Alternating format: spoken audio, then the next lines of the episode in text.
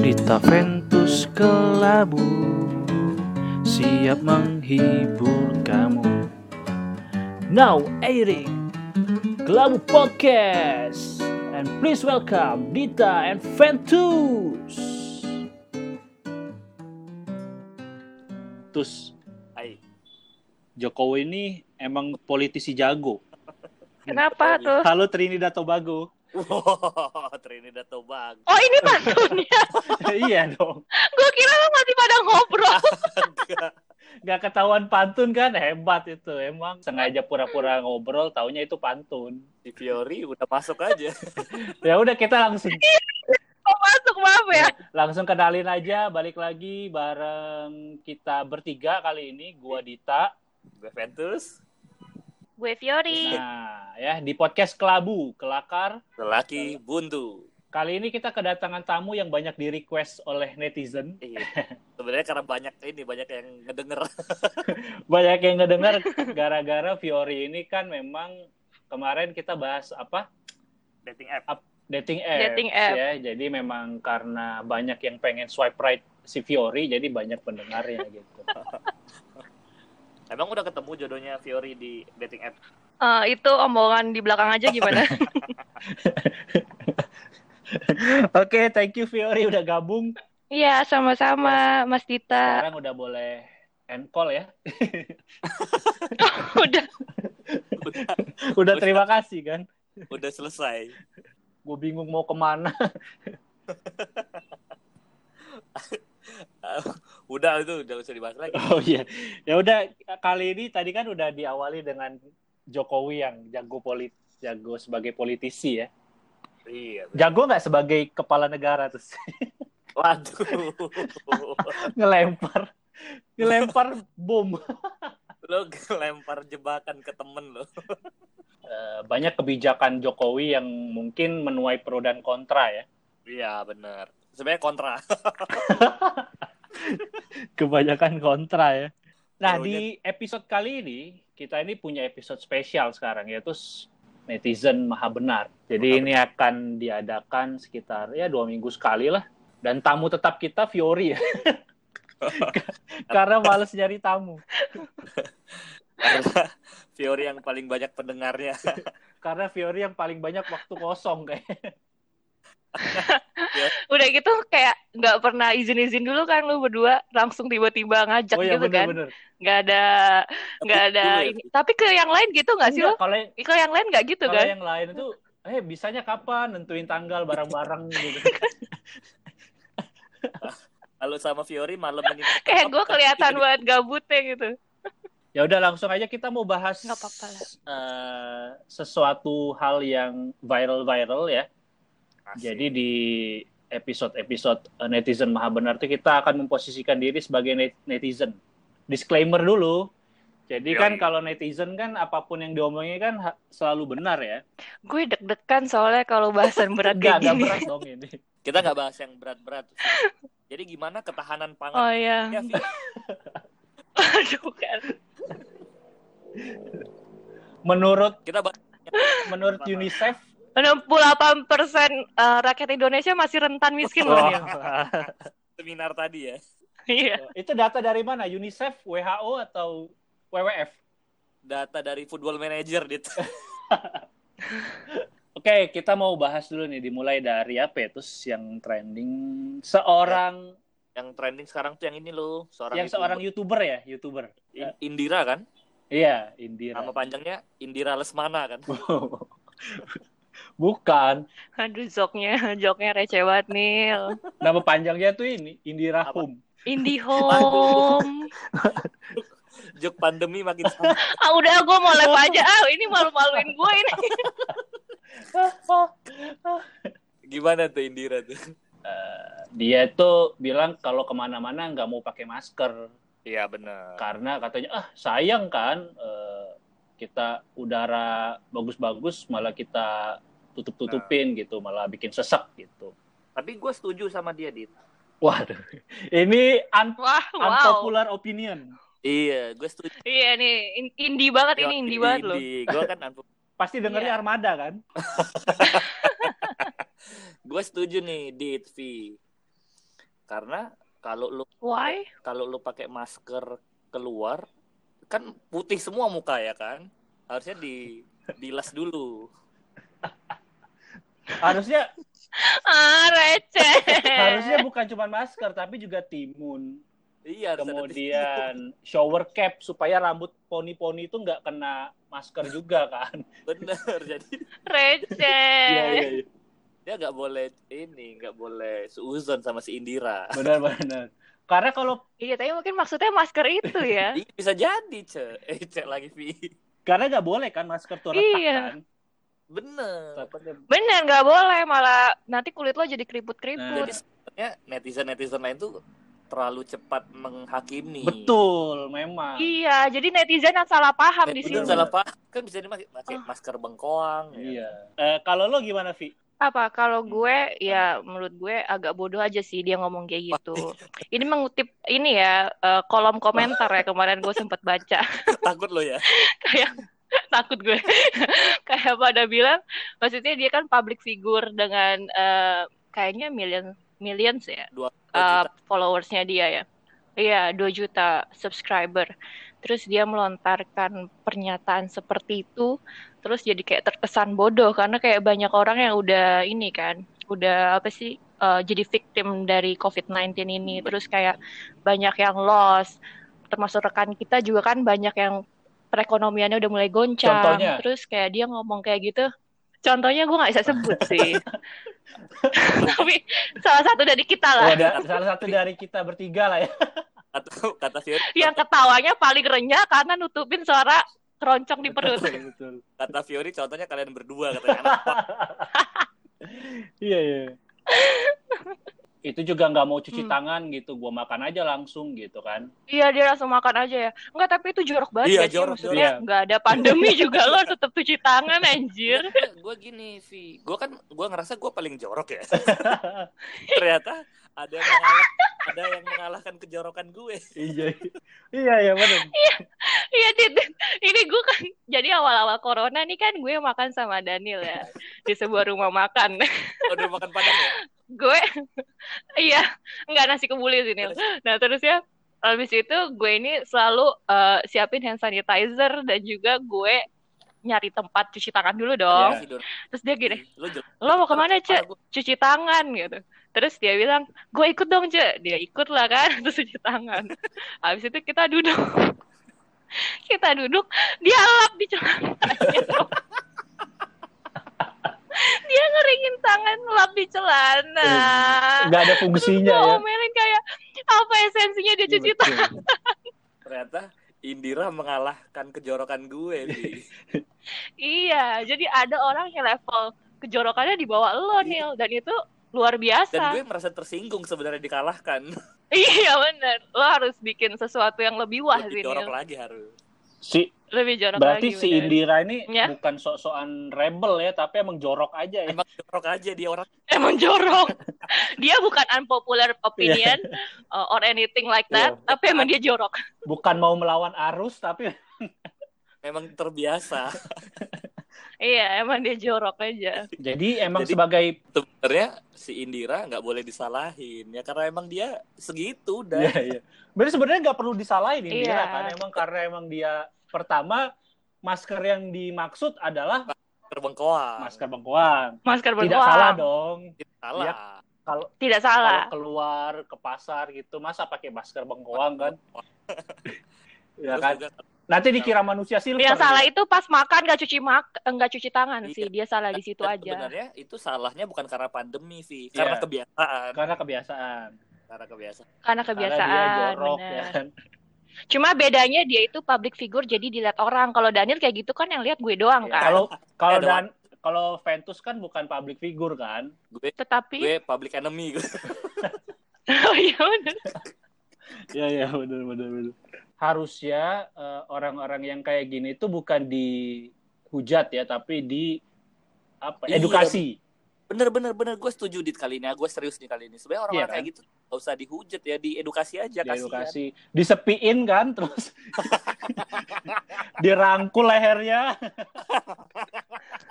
Waduh, panas. kerahnya di ini kan. Terus dia apa? Iya, rambut mulai dijambak. Enggak, dia pakai kerudung. Oh, oh iya Pak. Oh, oke. Enggak sebenarnya Oh, Dani lah yang lebih paham kalau itu. nggak pernah lihat Indira ini siapa sebenarnya. gue nggak tahu sebenarnya Indira ini siapa. Karena pas pas viral dong, gua, akhirnya gue ngerti oh ini. Sama, sama. Sama Yang gue- Indira ini siapa gitu kan. Terus Yang kenapa yang gue- dipermasalahin gitu. Indira. Selanjutnya apa? Iya. ya, jadi eh, sebenarnya apa ya tadi di edukasi ya. Iya, dia edukasi sih lebih tepatnya. Eh, tapi gue to be honest, gue kurang setuju sih. Maksud gue edukasinya ya boleh kalau lo cuma kayak ngasih tahu doang.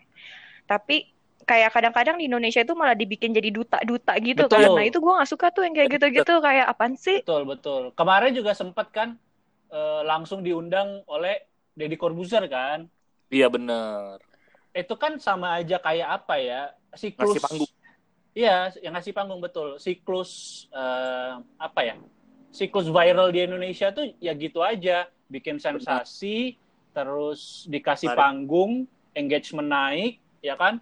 Duit Iya bener-bener. duit masuk terus, namanya naik, terus minta maaf, klarifikasi, nangis-nangis, udah Selesai. selesai, dilupakan gitu kan. Iya karena kayak netizen Indonesia tuh mudah ngejudge tapi mudah lupa juga nggak sih? Bener. Orang Indonesia tuh mudah memaafkan. Itu hal positif dari Indonesia. Iya mudah maafkan. iya benar. Lanjut aja ke topik. Dit. Ya udah, langsung kita lanjut ke apa namanya? Ini kelihatan banget ya nggak ada yang nguasain materi.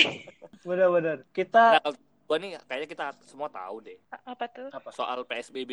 Ah ya, PSBB bener-bener. Hmm. BB yang sebenarnya lebih banyak kontra pada akhirnya karena implementasinya kan tidak berjalan mulus ya di Indonesia. Soalnya eh, berapa kali kan eh, kelihatan kalau di terutama Jakarta ya karena gue di Jakarta masih rame aja gitu di eh, kita kan akhirnya dapat berita tuh bahwa Bandara Suta rame tuh di terus akhirnya dibayar lunas tuh sama rakyat jelata di Bogor.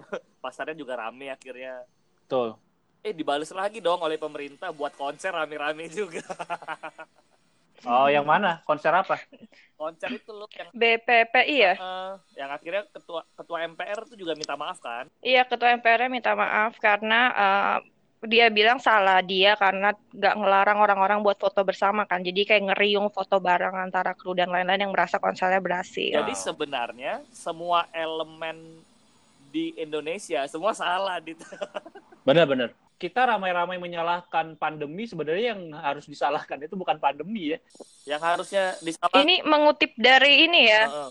mengutip dari artikelnya Mas Abud. Kalau kata beliau itu Indonesia tuh belum ada sense of crisisnya. Jadi kayak orang-orang tuh belum sadar kalau kita nih lagi eh, ada di tengah pandemi gitu loh. iya benar Jadi kayak masalahnya sebenarnya tuh kayak kitanya dari masyarakatnya yang belum sadar. Bener-bener. Karena karena eh, dari seluruh kebijakan juga semuanya abu-abu gitu. Nggak ada yang saklek ngomong PSBB apa yang dilarang dan apa yang tidak gitu. Masih boleh semua gitu. Mudik pun mudik pun eh, masih sebagian orang masih apa ya masih boleh berpergian dengan dengan syarat-syarat yang sebenarnya bisa dibeli di online gitu kan kayak surat tugas eh, surat keterangan sehat Iya, gitu kan jadi Iya, nggak ada yang benar-benar. Kemarin saklek. pun gue ngobrol sama eh, supir Grab, terus kayak driver Grabnya tuh juga bilang ke gue katanya, enggak tuh Mbak, saya kemarin dapat orderan ke Pandeglang masih bisa keluar aja nggak masalah. Terus teman saya mudik ke Solo juga lolos-lolos aja. Jadi kayak intinya kayak kita berdua ngobrol kalau kayak PSBB tuh cuma strict di media doang, tapi pada kenyataannya nggak nggak begitu Betul. gitu loh. Betul. Kayak orang bisa dengan bebasnya keluar masuk Jabodetabek kok, cuma emang kayak Ah. di di peraturan pemerintah, peraturan gubernurnya tuh kayaknya kan heboh nggak boleh keluar Jabodetabek, dilarang mudik, bakal disuruh balik. Tapi pada kenyataannya banyak yang lolos-lolos aja. iya lah gue Depok Bekasi masyarakat tuh sebenarnya akan taat aja asal ada ketegasan dari pemerintahnya juga sih sebenarnya mau pakai kebijakan yang mana gitu. iya Jadi kalau dia jelas bukan hanya jelas kebijakan dan sanksinya aja ya, tapi sosialisasinya jelas, kemudian gimana Pasal. dia cara mengedukasi ke masyarakatnya juga jelas, itu pasti akan dijalani sih. Iya, tapi kan Kata-kata ya begitu. gitu. Oh, tapi teman gue di Gorontalo, eh, mereka tegas loh. Jadi teman gue ini uh, bilang katanya kalau misalnya pergi-pergian dan kayak di atas jam 5 aja semenjak COVID-19 ini kayak harus um, benar-benar strict dan di, benar-benar dihukum dipukul pakai rotan. Terus kayak teman gue itu kan lagi hamil. Nah sama suaminya pergi ke, itu kenapa ke dokter. Uh, alhamdulillah sah kok oh. pak. Ya kalau nggak sah juga nggak apa-apa sih. Cuma kali ini sah lah ya. Nah terus dia itu kan uh, apa namanya cek ke dokter kandungan. Nah terus pulang karena dokternya juga lama karena pulang lebih dari jam 5 terus tetap diberhentiin dan karena dia lagi hamil dia nggak dipukul kan tapi suaminya dipukul rotan. Hmm. terus kayak dia kayak ngadu ke gue gitu kayak Vi di sini kejam banget kayak neraka gue pengen balik ke Jakarta. Dia emang kayak gitu. So, kayak tapi gue bener-bener ngakak saat itu kayak gue nggak kebayang ternyata beneran ada. Tapi tapi ya mungkin karena kayak gitu jadinya masyarakatnya jadi lebih gampang diatur nggak sih? Maksudnya mereka jadi betul, betul. lebih apa ya lebih nurut. Mungkin karena emang kayak sanksinya nyata gitu loh. Emang butuh apa ya kayak istilahnya tuh kayak otoritas yang benar-benar saklek gitu. Jadi AA gitu, BB gitu nggak ada yang di tengah-tengah gitu. Kalau di Iya mungkin karena kayak masyarakat kita juga kan udah biasa nyicipin uh, ini ya kayak the taste of freedom ya. Kita kayak udah biasa bebas gitu loh. Hmm. jadi kayak susah nggak sih buat orang-orang kayak kita ini buat dikekang? Kayak kita pasti bawaannya kayak lah gue udah ngerasain rasanya bebas ngapain gue mau dikekang-kekang? Kayak apaan tuh aturan gitu kan. Kayak kalau di Vietnam Cina mereka agak lebih gampang buat ngatur masyarakatnya mungkin karena emang mereka pada dasarnya kan um, ini kan emang negara yang udah komunis, biasa diatur komunis, gitu ya. loh sama pemerintahnya.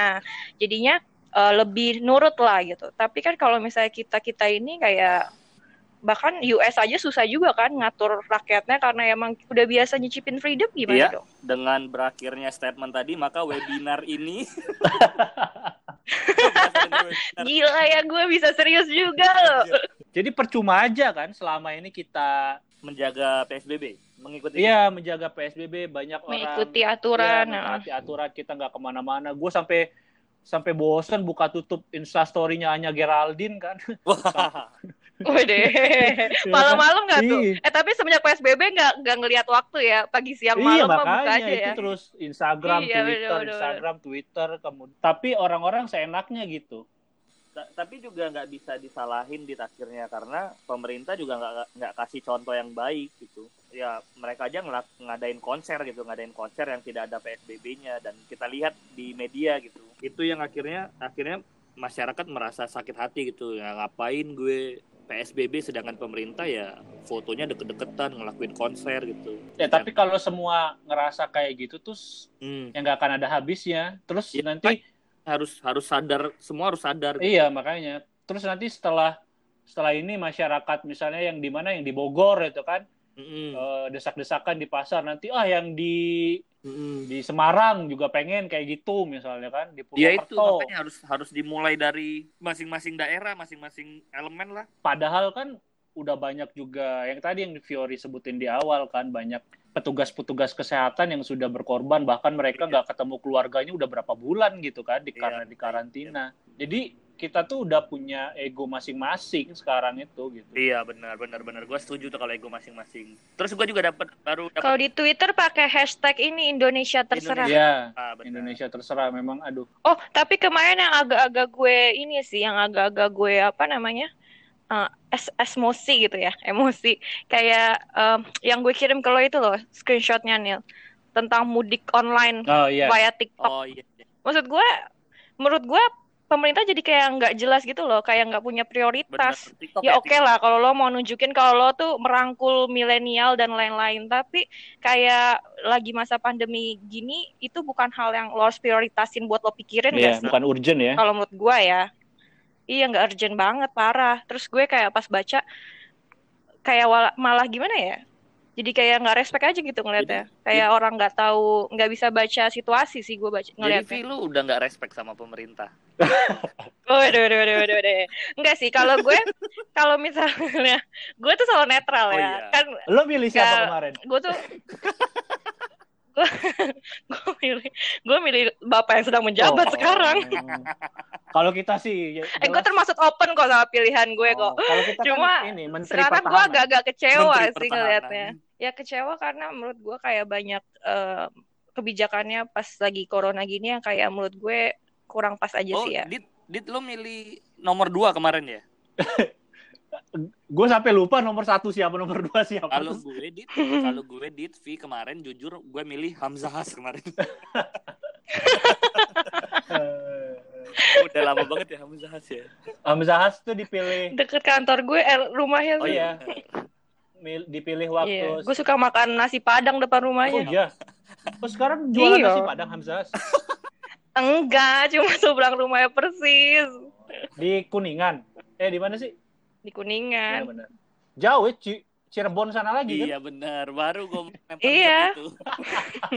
Aduh, receh banget sih kakak. Iya berarti berarti intinya PSBB harus semuanya sadar masing-masing ya dit V ya. Oh, kirain intinya Hamzah Has bukan nasi padang tadi. Konklusi semua.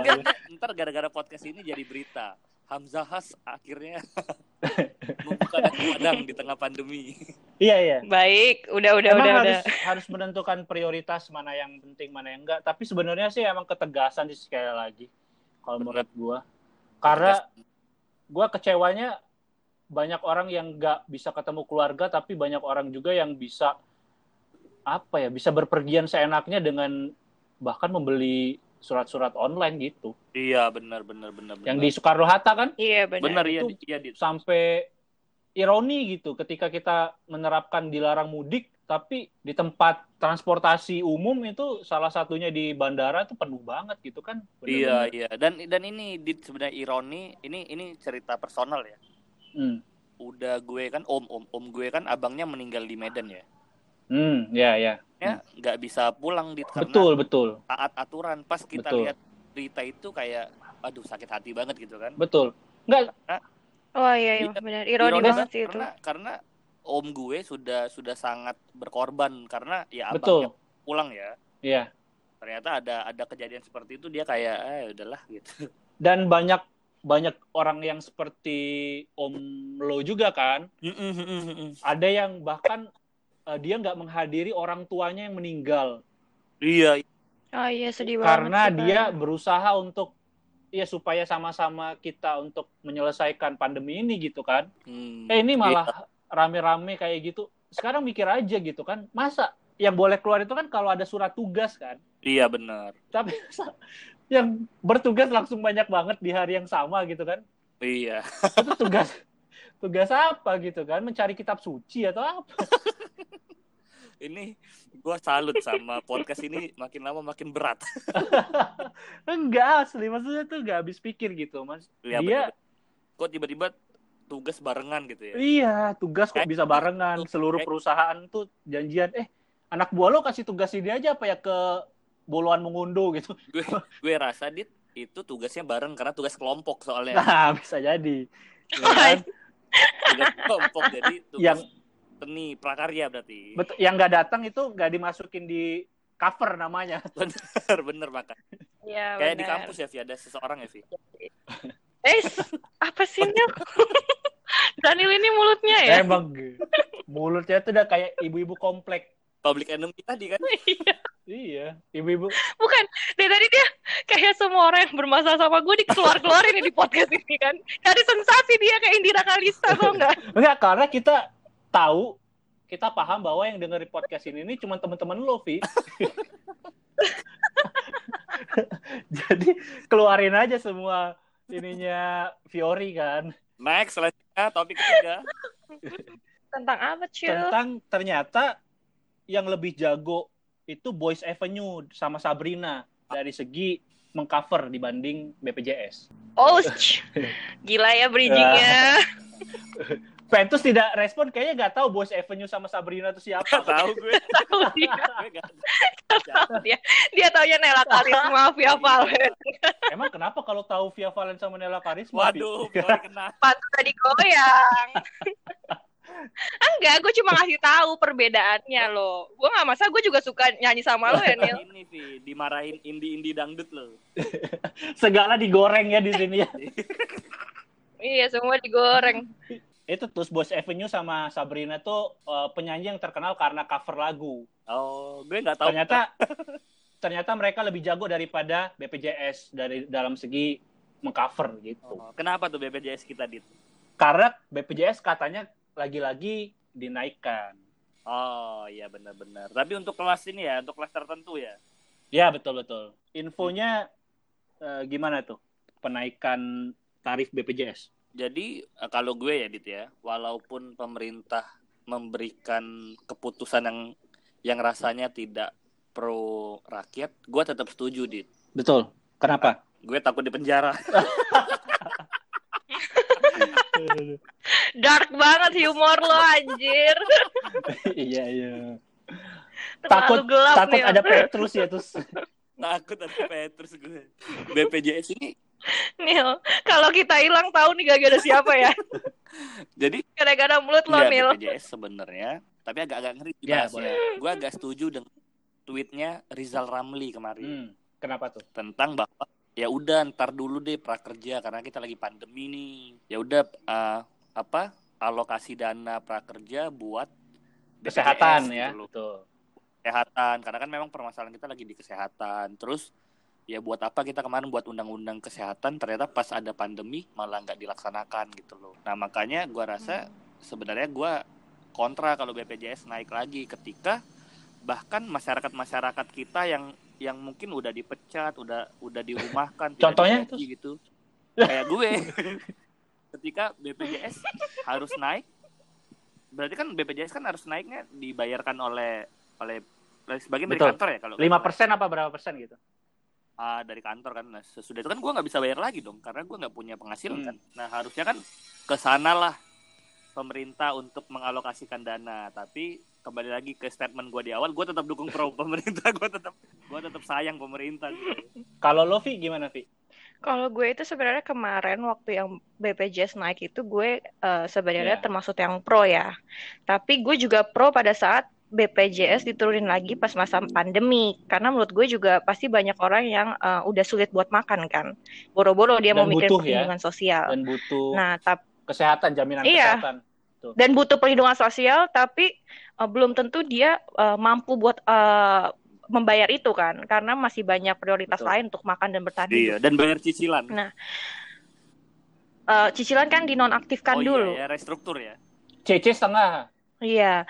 Nah, terus eh tapi kemarin katanya driver Grab gue ada beberapa yang masih tetap maksa bayar cicilan, tapi itu kayak kalau orang-orang yang leasing-leasing di perusahaan-perusahaan kecil gitu, bukan yang perusahaan-perusahaan besar. Kalau yang besar tuh kayak mau udah nonaktif tiga bulan gitu, nggak apa-apa nggak bayar cicilan. Tapi kalau yang kecil-kecil tuh masih maksain supaya orang-orang buat bayar cicilan.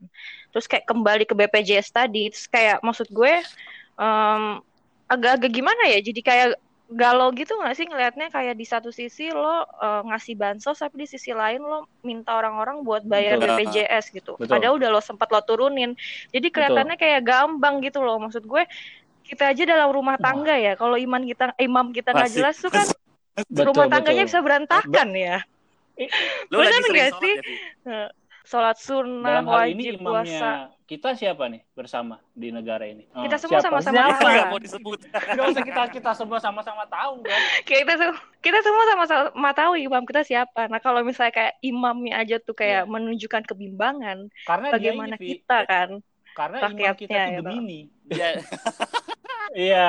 Ah oke. Iya itu Kenapa tuh? gitu. oh denger podcast kita sebelumnya Eh, apa namanya banyak apa ya kadang ngomong Kelimbangan. A tapi bisa juga B. Itu tadi politisi yang jago. Gitu. Oh, jadi sebenarnya Hmm, mantan gue Gemini kalian tuh. mau bilang imam kita mencela mencela gitu? Enggak. Wah, enggak bukan mencela mencela wah, parah sih. cuman memang harus banyak yang di didiskusikan harus banyak yang difikirkan. Mungkin waktunya terlalu banyak untuk berdiskusi berdialog dan memikirkan bener berbagai macam kebijakan tan sehingga yang yang sampai ke rakyat itu kelihatannya berubah-ubah terus gitu. kalau dari lu gimana dit setuju nggak BPJS naik. iya enak aja kita terus yang diserang Vi Iya. Jangan-jangan dia nggak mau berkomentar karena dia juga tidak tahu Kalau- harus ngomong apa. Kalau gue pribadi sih BPJS naik Iya. setuju, tapi bukan di saat yang sekarang. Bener kayak kalau kata Fiori tadi, mau nggak mau tetap harus menaikkan BPJS sembari dengan menaikkan juga kualitas pelayanannya pasti kan. Itu harus. Mm. Nah, sekarang balik lagi masalah utama kita itu adalah kesehatan. Kita selalu ngomongin ekonomi, ekonomi terus, ekonomi terus. Tapi ketika rakyat kita nggak sehat, ya ekonomi juga nggak akan tumbuh gitu. Iya, mata kuliah Prof Bandi tuh. Karena memang orang tuh harus Iya, sehat benar. dulu. Bahkan di dalam kebutuhan dasar manusia, yang pertama iya, yang pertama-tama harus dipenuhi itu adalah kebutuhan eh, apa namanya lahiriah kan? Eh apa namanya ba- eh, fisik fisik kebutuhan fisik. Naiknya kapan, Dit? Kalau dari Naiknya setelah pandemi ini, setelah semua Oh. setelah semua Iya, mereda, setelah pandemi baru sih kalau naikin menurut karena gue. mungkin negara juga butuh berbenah kan. Berarti, Dit, kalau eh, pemerintah naikin BPJS sekarang, lo anggap itu nggak setuju? Kalau naiknya sekarang, iya. Jangan dulu deh, Oh, iya. gitu. Maksudnya masih banyak orang yang butuh juga kan. Sedangkan eh, teman-teman kita sendiri nih, gue kenal orang-orangnya yang bener-bener nggak digaji sama sekali gitu. Mhm, Jadi, Gimana mereka mau mikir beli Iya, makan aja sulit, apalagi mau bayar BPJS ya kan? benar. Nanti kita sampaikan lah ya ke Pak Imam. ya. Imam Nahrawi kan? Iya Pak Imam.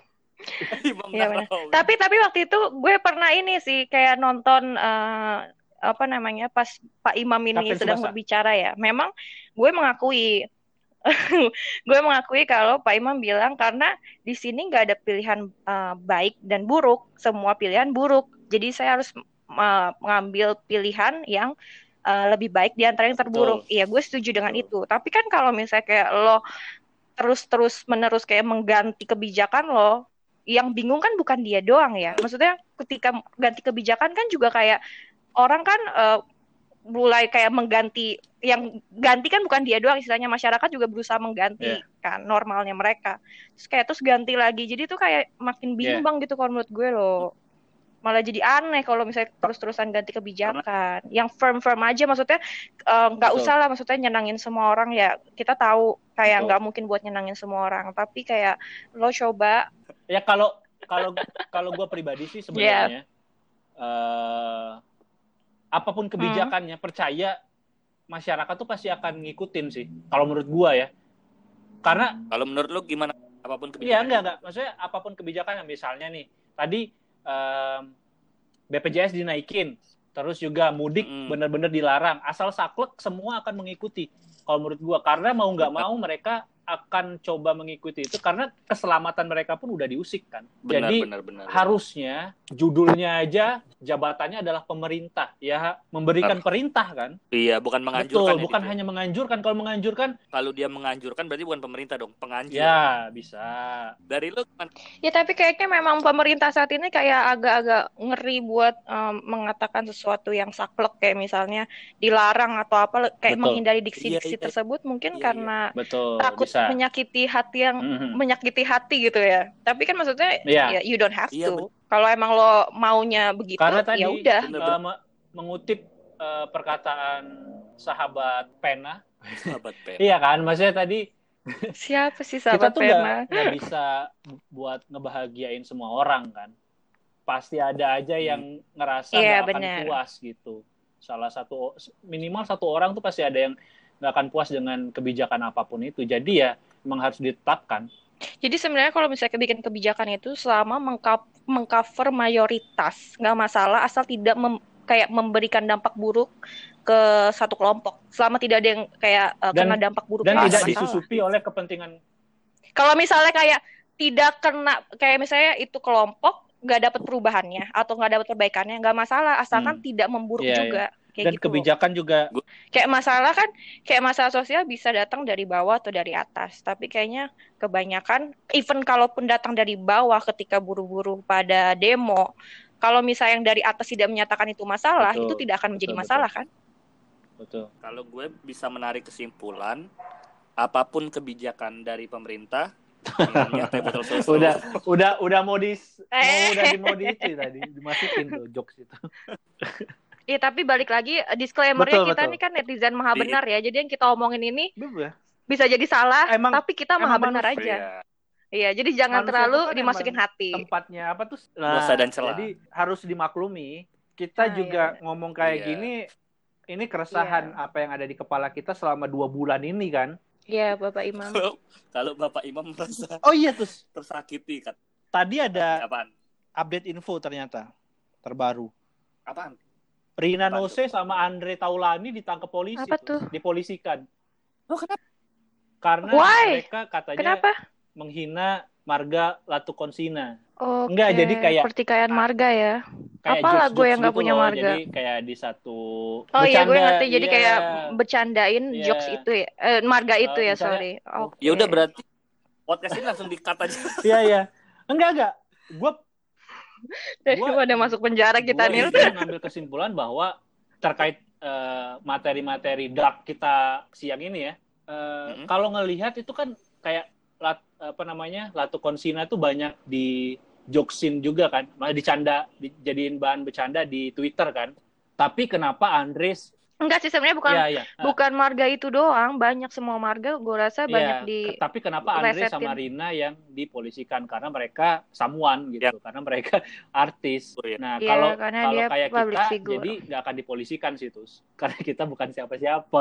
kayak tahu besok tahu besok ada ada Tahu-tahu surat besok. peringatan bi- bisa jadi Podcast kita udah hilang. bisa jadi kita makan tuh nggak bisa dipolisikan jadi setelah itu bisa jadi ngetop ya kan di dicari-cari lagi kesalahan dulu gitu. Kayak Oh, iya, maksudnya dipolisikannya kayak 10 tahun Iya, kemudian gitu kan. gitu. Terus nyari-nyari kan podcast-podcast lama penuh dosa ini kan. Ah, bisa Terus jadi dipolisikan kena. juga karena kita ngebahas suatu hal yang serius tapi tidak kompeten gitu.